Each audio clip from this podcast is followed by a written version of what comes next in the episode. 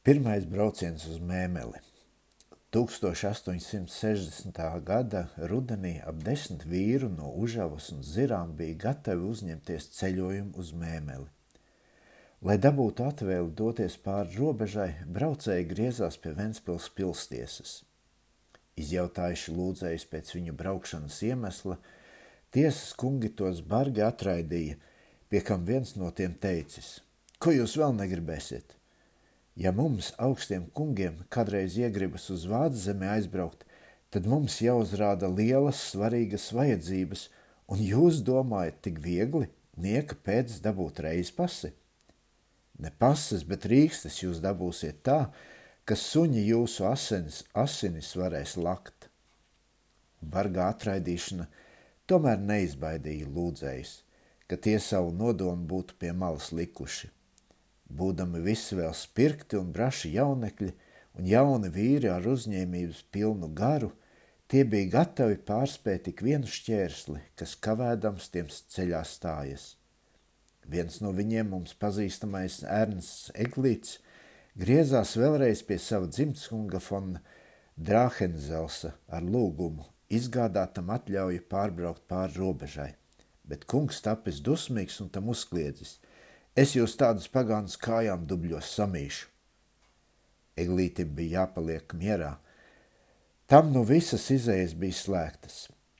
Pašam patvarīgi un slepus pāriet pār robežu bija ļoti pārdroši, jo dzimts kungs bija arī tiesas kungs, un sots par nepaklausību būtu bijis bargs.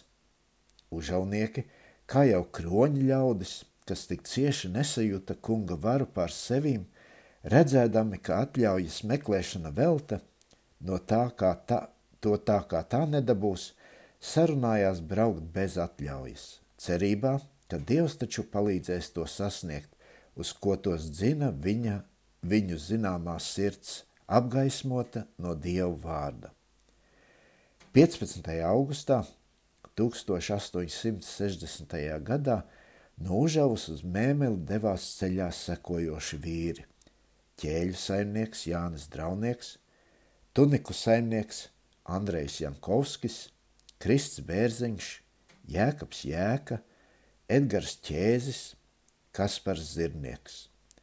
Caur Labragu braucot, tiem vēl pievienojās Adams Ģertners līdz ar savu laulāto draudzeni Annu, dzimusi Peter Levits.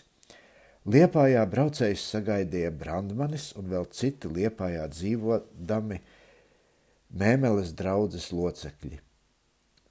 Šiem mūsu užavniekiem pievienojās vēl klāt pulciņš vācu baptistu, kuru vidū arī bija trīs kristības kandidāti - krēslu taisītājs Johans Jansons un divas māsas - Marija un Karolīne Kronberga. Braucējiem par vadoni bija Brandmans. Vāciešiem izliepājis, kuri visi bija ārzemnieki, Nebija nekādas rūpes, kā tikt pāri robežai, bet ne tā mūsu užauniekiem. Pērkonas pagastā, kas pieiet tuvu robežai, kādam no braucējiem bijis pazīstams muižas skrīveris. Tāpēc pēdējais iegriezies pērkonas muižā, lai palūgtu padoma, kā tikt pāri robežai. Skrīveris bija gatavs pret samaksu pakalpot un teicis, ka varot braucējiem izlīdzēt tiem apgādājot atļauju uz septiņām dienām pāriet pāri robežai, par ko katram jāsamaksā 50 kapeikas, no, kurām, no kuriem 15 kapeikas pienākoties muižai par atļauju un pārējais viņam par izgādāšanu. Braucēji bija ļoti iepriecināti, ka tiem nu ceļš brīvs. Skrīveris vēl tikai braucējiem piekodinājis – Neaizmirst savus jaunos uzvārdus, uz kuriem apliecības izdotas, jo pēdējās bija izdotas uz vietējā pagasta locekļa vārdiem. Tālāk brauciens, brauciens noritējis bez kavēkļiem, un sestdienas pēcpusdienā braucēji jau bija mēmelē. Vācu brāļi un māsas mēmelē atbraucējis kurzemnieks uzņēmuši ļoti laipni – Tajā pašā vakarā sasaukta draudzes stunda, kurā visi mūsu kurzemnieki caur tulku uzņemti draudzē. Pata kristība notikusi svētdien, un to izdarījis sludinātāja palīgs Albrechts. Šo prieka dienu tomēr aptumšojas skumju mākonis. Brandmanis, kas mūsu pirmajiem brāļiem bija nevien ceļa vadonis uz mēmeli, bet arī ceļa rādītājs Bībeles atzīšanā, tanī pašā dienā, kad latviešu brāļi tika uzņemti draudzē, dažu netikumīgu soļu dēļ caur izslēgšanu no tās tika atstādināts. Bēdīgs gadījums. Tomēr patiesībai par godu tas jāatzīmē bet vai gan vēl var iedomāties stingrāku un taisnāku izturēšanos no draudzes puses, kā šoreiz pret brandmaņa? Tas pieved draudzes klēpim veselu pulciņu jaunu draudzes locekļu, bet neskatoties uz visu to, draudze pie viņa izpilda savu ciešāko sodu mēru. Latvieši līdz tam mēmeliešiem un nīmecam būs bijuši gluži nepazīstami un sveši – Tā laika vācu baptistu laikrakstā Missions Blatt Nīmets par mūsu pirmajiem brāļiem izsakās šādi.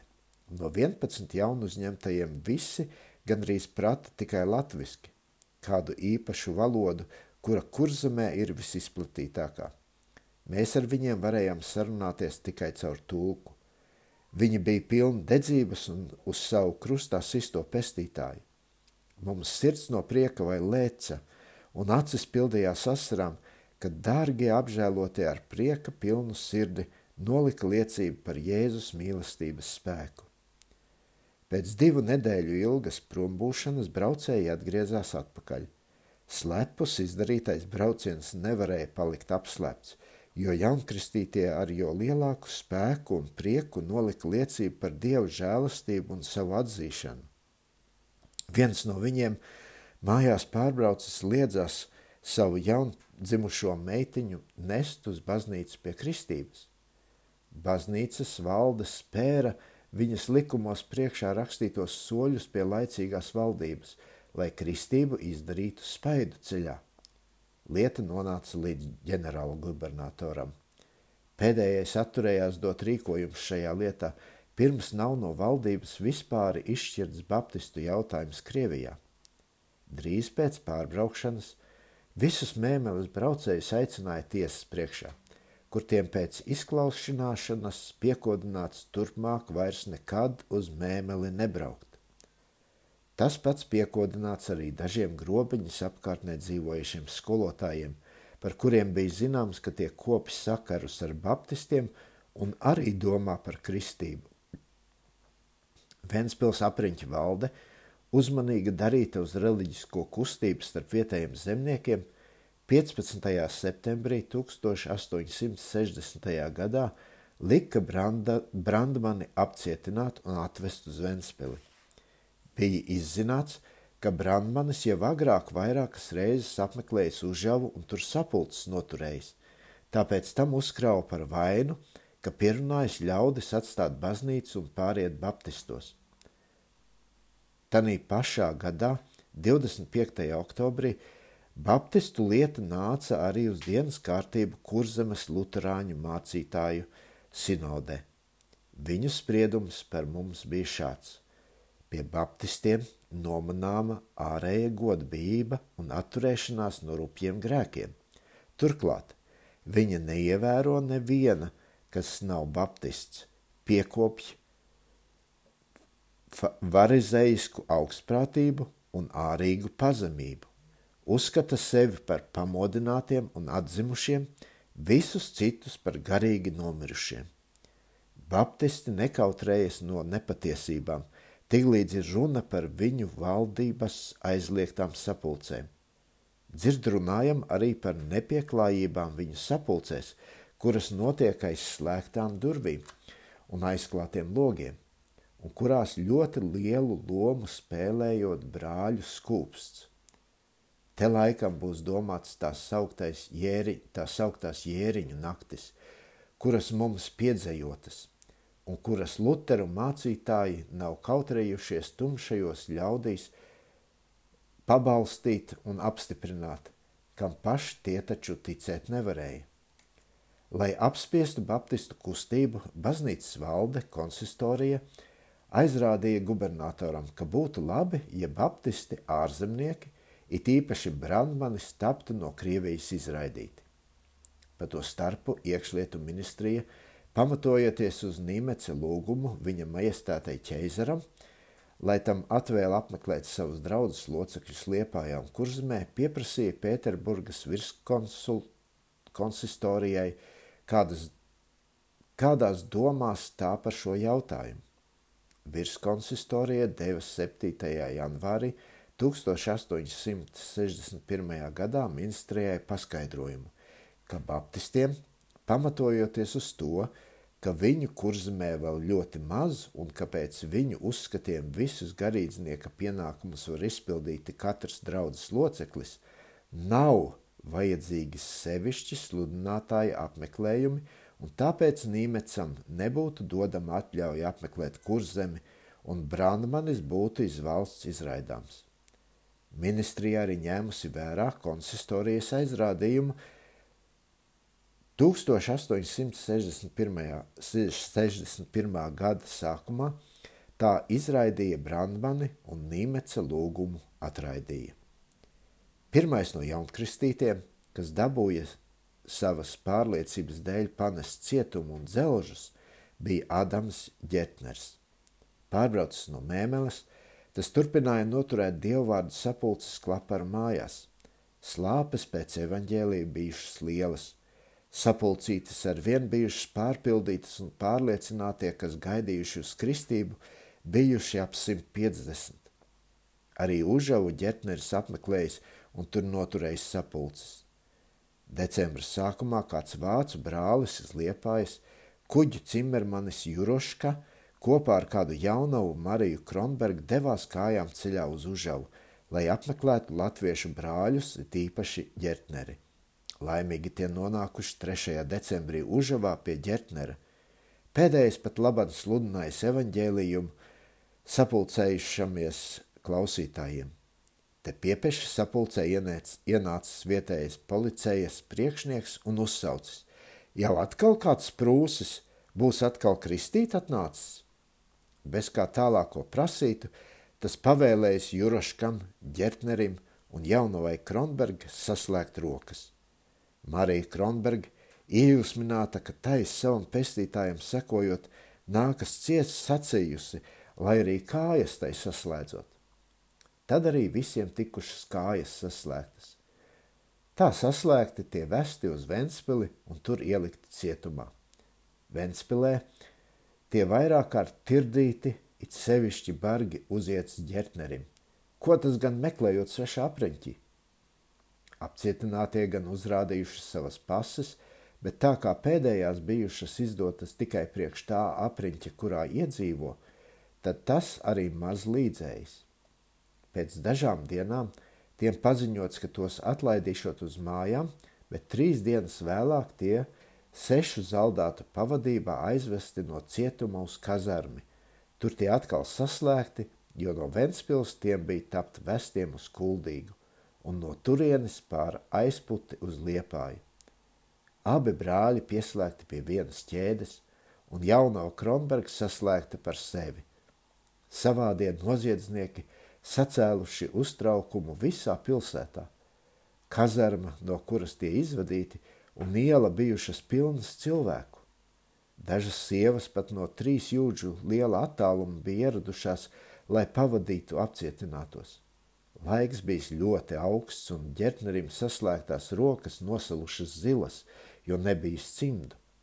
Te viens no dzinējiem zaldātiem par to iežēlojies un tam aizdevis savus. Pa nakti apcietinātiem nācies gulēt saslēgtiem. Kuldīgā nonākušiem tiem dzelži noņemti. Šeit ģetneris atlaists brīvībā, kā pie kuldīgas piederīgs, bet Juroškam un Jaunavai Kronberg nācās vēl saslēgtiem iet uz aizputi. Tur par apcietinātiem iežēlojies vietējais cietuma uzraugs, tas tiem noņēmis dzelžus, ka tie līdz liepāja varējuši iet svabadi, tikai zaldātu apsardzībā. Užavā un apkārtnē dzīvojošie brāļi un draugi – dabūjuši zināt, pa kādiem ceļiem apcietinātos dzen, braukuši tos pavadīt, lai atvieglinātu viņu grūto ceļojumu, vedot apcietināto nesamos. Liepājā dzīvojušie draugi un brāļi arī izbraukuši apcietinātiem jau tālu uz aizputes ceļa pretī. Kāda māsa, kura vēl tagad dzīva, stāsta, ka apcietinātie un to pavadītāju rinda līdzinājusies tādai, kas svinīgai kāznieku rindai, kura lēnām kustējusies pa aizputas ceļu uz liepājas pusi. Otrs brauciens uz mēmeli. Brandmani, kas vairākus mēnešus atradās Ventspils cietumā, bieži vien svētdienās apmeklēja kāds Ventspilī dzīvojošs užalnieks – Vikstrems. Jau jaunībā Vikstrems bija saticies ar draunieku, hamburģeri un citiem patiesības meklētājiem un apmeklējis viņu sapulces bet kara dienests to bija uz pieciem gadiem atšķīris no nopietnās kustības. Krīmas karam beidzoties, Vikstrēms atlaists mājās, kur to drīz vien apmeklējis viņa agrākais nopiet, agrākie nopietnie biedri un aicināja uz savām sapulcēm. Bet Vikstrēms garīgās lietās bija tapis gluži vienaldzīgs. Ja, arī kādreiz, ja tas arī kādreiz apmeklējis sapulces, tikai tāpēc, lai neapbēdinātu savus jaunības draugus. No šī vienaldzības stāvokļa Vikstrema, Vikstremu izveda vēsts, ka Brandmanis atrodas ticības dēļ Ventspils cietumā. Vikstrems lāgā nevarēja saprast, kas gan tā par ticību, kuras dēļ cilvēku tura cietumā. Ziņkārības dzīts, tas kādu svētdienas rītu, apgādājies ar dažām ēdamām lietām, ko aiznes cietumniekam, gāja uz cietumu brānbani apmeklēt un ar to izrunāties. Cietumnieks bija ļoti pārsteigts par necerēto apmeklējumu, un drīz vien tas ar savu ciemiņu nogrimis sarunās. Pēc pirmās satikšanās Vikstrēms juties tā saistīts pie brandmaņa, ka to apmeklējis ik svētdienas. Biežās sarunas novēroja pilskunga von Mirbaha kundze un pārmeta Vikstrēmam, ka tas ar cietumnieku Brandmanu draudzējoties. Pēdējais esot ļoti nelāga cilvēks. Ja Vikstrēms gribot kam labu darīt, tad to jau vislabāk varot darīt pie savas ticības ļaudīm. Uz to Vikstrēms laipnai kundzei atbildējis, ka Brandmanis tam vēl nekā ļauna nesot nodarījis un ka sarunāšanās par dievvvārdiem nevarot kaitēt. Viņam ar Brandmani labi sakrītot. Sarunas tā iesildīja Vikstrēmu, ka tas jutās spiests mantot to dalīt ar citiem līdz, un tāpēc sācis noturēt savās mājās sapulces. Starp Vikstrēma klausītājiem arī bijis Jukumu Redins, vēlākais Ventspils draudzes loceklis, kas šīs apsāktās sapulces turpināja arī pēc Vikstrēma aiziešanas. Par Vikstrēma sapulcēm – Drīz vien nāca ausis, ausīs vietējiem mācītājiem un pilsētas kungiem. Pēdējie pierunājuši Fan Mirbahu, lai Vikstrēmu izraida. Reiz arī pilskungs atsaucas Vikstrēmu uz pili un tam sacīs, ka pilsētas valde viņu vairs negribot pilsētā ciest, jo tas musinot ļaudis uz jaunu ticību. Ja Vikstrēmam esot kāda manta, Tad pilskungs gādāšot no vietējās muižas šķūtniekus, kas to, aiz, to aizved. No šķūtniekiem Vikstrēms atteicies sacīdams, ka savā labā negribot citus kalpināt. Pilskungs vēl prasījis Vikstrēmam, vai tas no jauna negribot iestāties Krievos, zaldātos. Pilskungs lūkšot, lai to no jauna uzņem dienestā. Uz šādu piedāvājumu Vikstrēms atteicis, ka to negribot. Tas būtu tā, it kā viņš pats sev vairs nespētu nopelnīt maizi un lūgtos ķeizaru, lai viņu uztur. Beidzot Vikstrēms lūdzis, vai nebūtu tam atļauts pārcelties uz Liepāju. Pilskungs uz to iegājis, ierakstot Vikstrēmu pasē, ka tas pāriet dzīvot uz Liepāju un to sūtījis turpu. Bet Vikstrēmam nācies kājām mērīt – 120 verstu garo ceļu. Nonācis Liepājā un stādījies priekšā vietējai valdībai, tas ticis bargi saņemts. Kāds no kungiem tam uzsaucis, ka Liepājā tā viss vairs nevarēšot dzīvot kā Ventspilī, uz ko Vikstrēms atbildējis, kā es ventā dzīvoju, tā es te dzīvošu, citādi es nevaru. Pa šo laiku užavas ticīgie un to draugi pulcējās viens pie otra – dziedāja, lūdza un cīnījās saprast Dievu prātu. Pavasarim nākot bija jau vairāk kā desmit dvēseles, kas bija sajutušas Dievu vārda brīnišķo spēku un pārliecinājušās par kristības vajadzību. Sarunājušies savā starpā, tie nolēma braukt uz mēmeli. Lūgt atvēli braukšanai tie atrada par lieku, jo uz labvēlību go atbildi nebija ko cerēt. Vienīgais ceļš bija braukt slepeni. Lai braukšanu varētu izdarīt, jo nepamanīti un ātrāk varētu atgriezties atpakaļ, braucēji izvēlējās sev jūras ceļu. Būdami visi pa lielākai daļai spirkti un braši jaunekļi, kam jūra kā zvejniekiem labi pazīstami, tiem jūras ceļš bija arī daudz izdevīgāks par zemes ceļu. Nokārtojuši visu braucienam, 14 dūšīgi vīri naktī no 29. uz 30. maiju 1861. gadā stūma jūrā vienu no savām pārākām zvejas laivām. Šo vīru vārdi bija Jānis Draunieks, ķēļu saimnieka radinieks, Kaspars Kauliņš, Andrejs Klajums, Kaspars Strauts, Jānis Jankovskis, tēvs tam, kas piedalījās pirmajā braucienā, Jānis Korns, Vilis Bērziņš, Ernsts Lēlis, Andrejs Brikmanis, Kristaps Stefanovics, Kristaps Zirnieks, Kristaps Spaile, Jānis Zirnieks, Jānis Spaile. Braucējiem par vadoni bija kāds Andrejs Ķēzis, kas jau bija dalību ņēmis pirmā braucienā uz mēmeli. Uz jūras atrodoties zvejnieki izvadīja aizbraucējus urrā saucieniem, jo noprata, ka tie brauc kādās tur ticības lietās. Jūra bija līdzena kā spogulis. Ceļnieki salda prieka jūtām, baudīdami dievu klātbūtni, airēja savu laivu un dziedāja garīgas dziesmas, kuras tie iz Loskiela grāmatas zināja no galvas.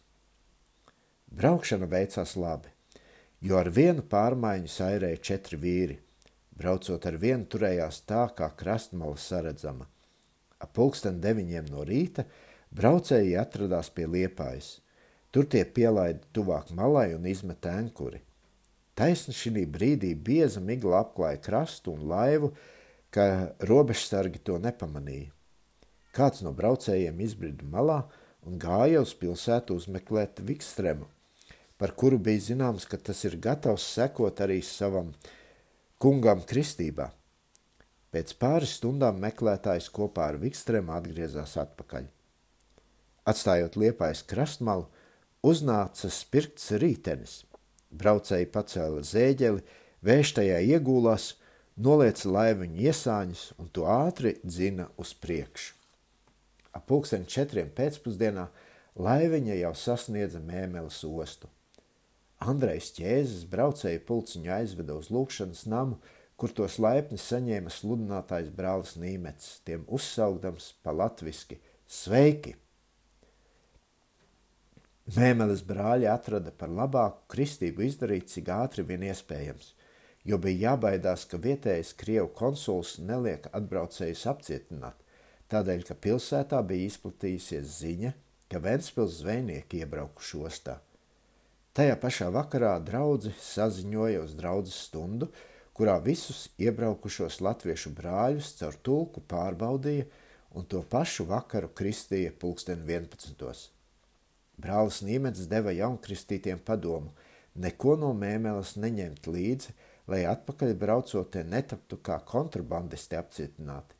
Tikai jaundarību un vācu dziesmu grāmatu Glaubenstimme – Daži no tiem paņēmuši līdzi.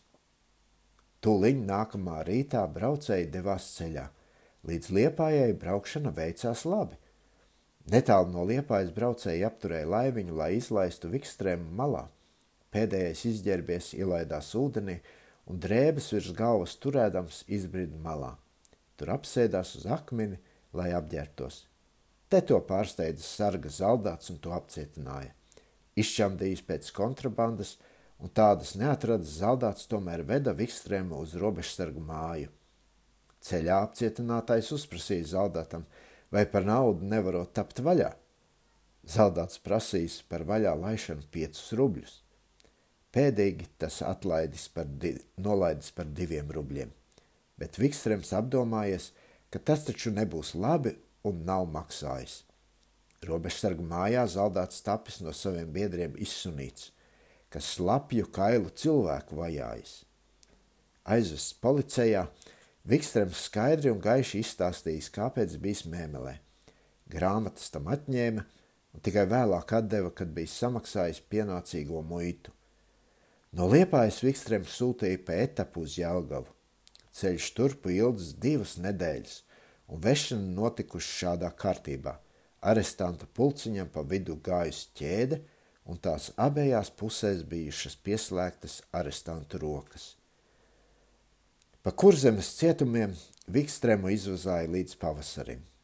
Tad iznāca spriedums, ka Vikstrēms par sodu atkal noņemams zaldātos un no gvardijas pārceļams armijā.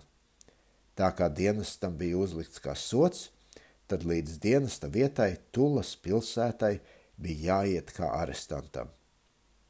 Nu sākās grūts un garš ceļš, jo bijis jāiet saslēgtām kājām.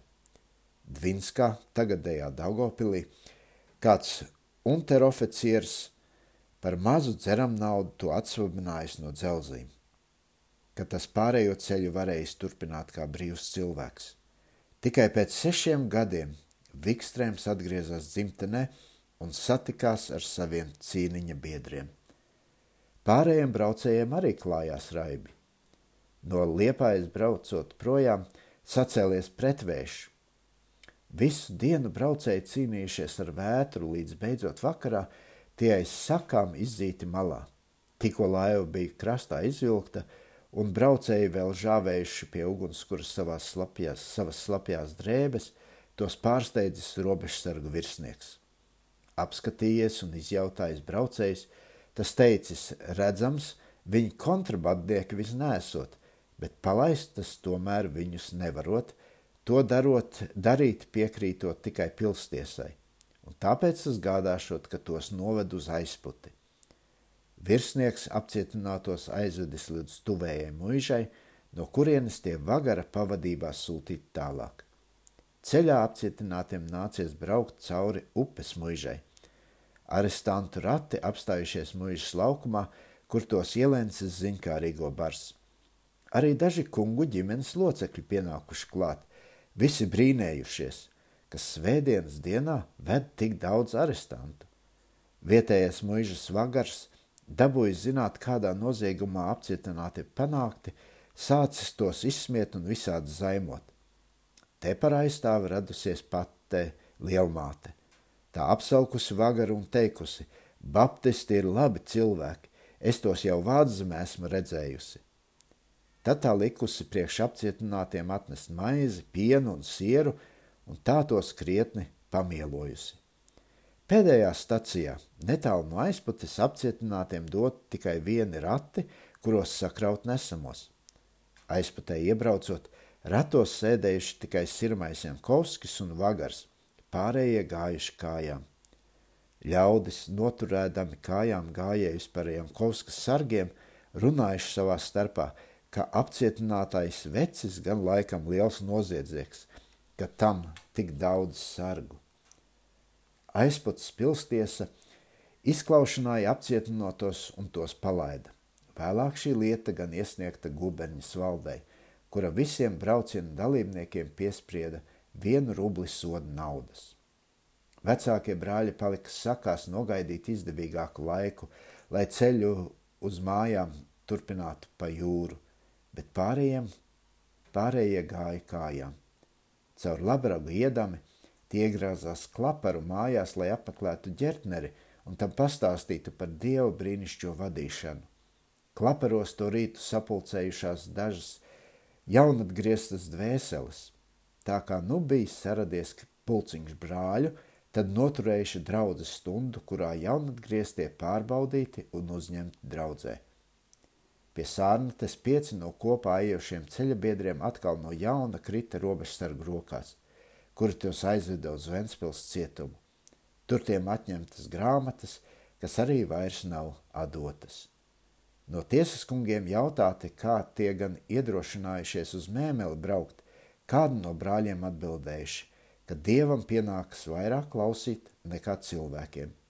Šāda atbilde kungus ļoti uztraukusi. Kāds no piesēdētājiem sagrābis runātāju uz rokas, to nosaucis par dumpinieku un draudējis saukt zaldātu ar rīkstēm, bet šoreiz tiesas kungs palicis arī tikai pie draudiem. Trešais brauciens uz mēmeli. Jaunu uzņemtie locekļi Labragā ar nepacietību gaidīja uz kristību. Užavnieku dūšīgā priekšzīme tos skubināja darīt tāpat braukt uz mēmeli ar laivu. Tā kā starp braucējiem nebija neviena tāda, kam būtu bijusi laiva, tad nācās salikt svešu vedēju. Labraga tūmā Fildsberģē dzīvojas kāds suits dīķnieks vārdā kurš visā apkārtnē bija pazīstams par dūšīgu zvejnieku un brašu jūras braucēju, kas arī slepus nodarbojās ar kontrabandas vešanu no mēmeles. Braucēji lūdza dīķinieku, lai tas tos noved uz mēmeli. Pēdējais bija mieru vest, ņemot 150 kapeiku braukšanas maksu no katra braucēja. 8. jūnija vakarā pēc saules noiešanas septiņi braucēji devās uz jūrmalu, kur tos gaidīja kontrabandnieka laiva. Braucēju vārdi bija Mārtiņš Birzenickis, saimnieka dēls, Jānis Jankovskis, skrodara māceklis, Fridriks Jordsons, kalēja māceklis, Josts Dreimanis, saimnieka dēls, Jānis Karlsons, Matīs Petrovskis Kalps un Katrīna Peterlevits, saimnieka meita. Brauciens veicies labi. Pie palangas tiem iznākusi uz jūras pretī robežsargu laiva, lai netiktu noturēti par kontrabandniekiem, mūsu braucēji savu laivu apturēja, izmestami ankuri. Robežsargi aplūkoja braucējus ar tālskatu piepalīdzību un redzēdami, ka pēdējie nebēg, bet paliek stāvot, laida tiem braukt tālāk. Piektdienas rītā ceļnieki laimīgi iebrauca Mēmeles ostā – Dītnieks palika pie laivas, bet pārējie devās uzmeklēt baptistu lūkšanu namu. Mēmeles brāļiem jau bija zināms, ka kurzemnieki atkal taisās pie tiem atbraukt, tikai atbraukšanas laiku kurzemnieki nevarēja noteikt, tāpēc Mēmeles brāļi tos nebija gaidījuši. Ejiet, ejot pa kādu ielu, kas ved no ostmalas pilsētā un prātojot, kā gan atrast lūkšanas namu, meklētājs sastapa pāris melni ģērbušos kungus. Kungi, kuri bija sludinātais Nīmets un kāds draudzes kopējs, meklētājs pazina par kurzemniekiem un dabūjuši zināt, ka pēdējie meklē Baptistu baznīcu, arī atskārta, kas tie par kurzemniekiem.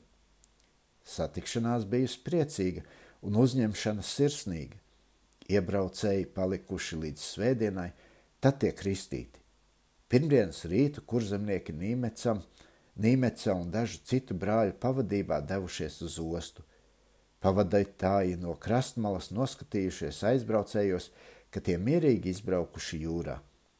Tikai dažas, dažas verstes nobraukuši, tos pārsteidzis vējš,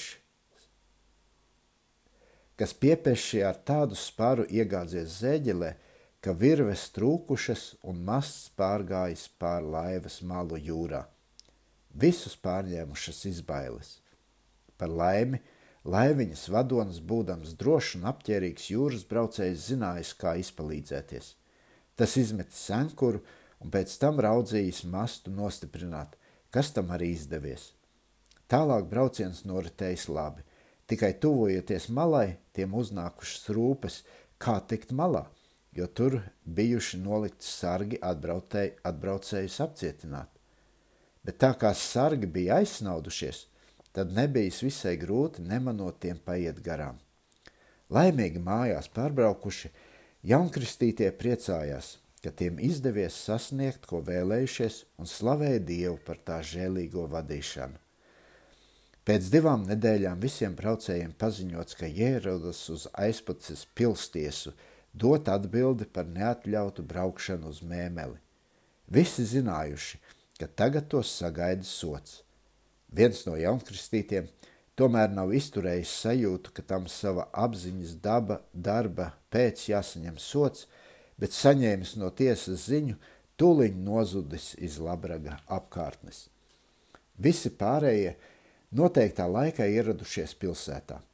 Klaparu saimniekam, kas pats vēl turējies pie baznīcas, pašam nācies savu meitu vest uz tiesu, visu pirms nopratināti vīrieši.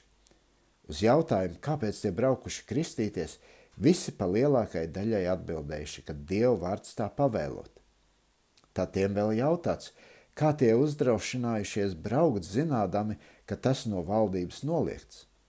Atbilde bijusi, ka Dievam vairāk jāklausa nekā cilvēkiem. Tad tiesas priekšsēdētājs griezies pie jaunavas Katrīnas Peterlevits, tai noglāstījis vaigu un sacījis – lai taču viņa atzīstas, ka nav pati uz savu gribēšanu braukusi, bet no pārējiem pierunāta. Bet dušīgā jaunava atbildējusi, ka viss noticis uz viņas pašas vēlēšanos. Tad tiesa draudējusi, ka tādā gadījumā tai būs jāsaņem rīkstes, bet arī tas jaunavu nav izbiedējis, tā palikusi pie jau izteiktā. Tad tiesas priekšsēdētājs devis laiciņu apdomāšanai, bet kad arī pēc visa tā jauno palikusi pie sava, tiesa pasludināja savu spriedumu, ka katram par sodu jāsaņem 15 pāru rīkšu un jāsamaksā 150 kapeikas tiesu izdevumu. Tad notiesātie novesti sargu istabā, kur tiem nācies pērienu saņemt, zaldāti, pērēji, iepriekš pacienāti ar degvīnu un baltmaizi, un tad sākusies pēršana. Pirmie pērti vīrieši – No pērtajiem neviens nav iebrēcies, bet kad viens piecēlies, tad tas, kam reize bijusi klusu ciesdams nogulties asinspēļķē, kuru atstājis viņa ciešanu biedrs. Pēc pēriena sodītie atkal vesti tiesas priekšā, kur bijis jāmaksā tiesas izdevumus. Daži no sodītiem gan ierunājušies, ka tas netaisni uzlikt divus sodus - pērienu un naudas sodu, bet atstāti bez ievērības. Tad priekšsēdētājs jautājis Katrinai Petrlēvits, vai nu tā esot apdomājusies, uz ko jautātā, piegājusi pie tiesneša kunga un tam noskūpstījis roku, bet tas atgrūdas jaunavu no sevis teikdams: Tu jau meitiņa esi traka! Toreizējo tiesas kungu izturēšanos vēl raksturos šāds notikums. Arī Katrīnas Petrlēvits māsai, ģertneras sievai, piespriests pēriens, bet pēdējā – uz kādu tiesiskunga padoma liedzās tādu saņemt, jo taipat labam bijis bērns zīdams. Dzirdot šādu ierunu, kāds no tiesiskungiem tai prasīs, cik vecs tas bērns esot. Dabūjis zināt, ka tas jau pāri gadam tas atteicis, kā tu tik ilgi savu bērnu zīdi, mūsu sievas tikai zīda līdz gadam. Tu desmit dienu laikā šķir savu bērnu nost, ka vari savu strāpi saņemt. Uz to ģetneriene žēlīgai tiesai atbildējusi, ka viņai nesot tāds uzturs kāds kunga sievam. Tādēļ tai arī savu bērnu ilgāk jāzīda. Šāds paskaidrojums arī līdzējis. Noteiktais laiks pagājis, un māsa ģertner uz tiesu vairs nav aicināta.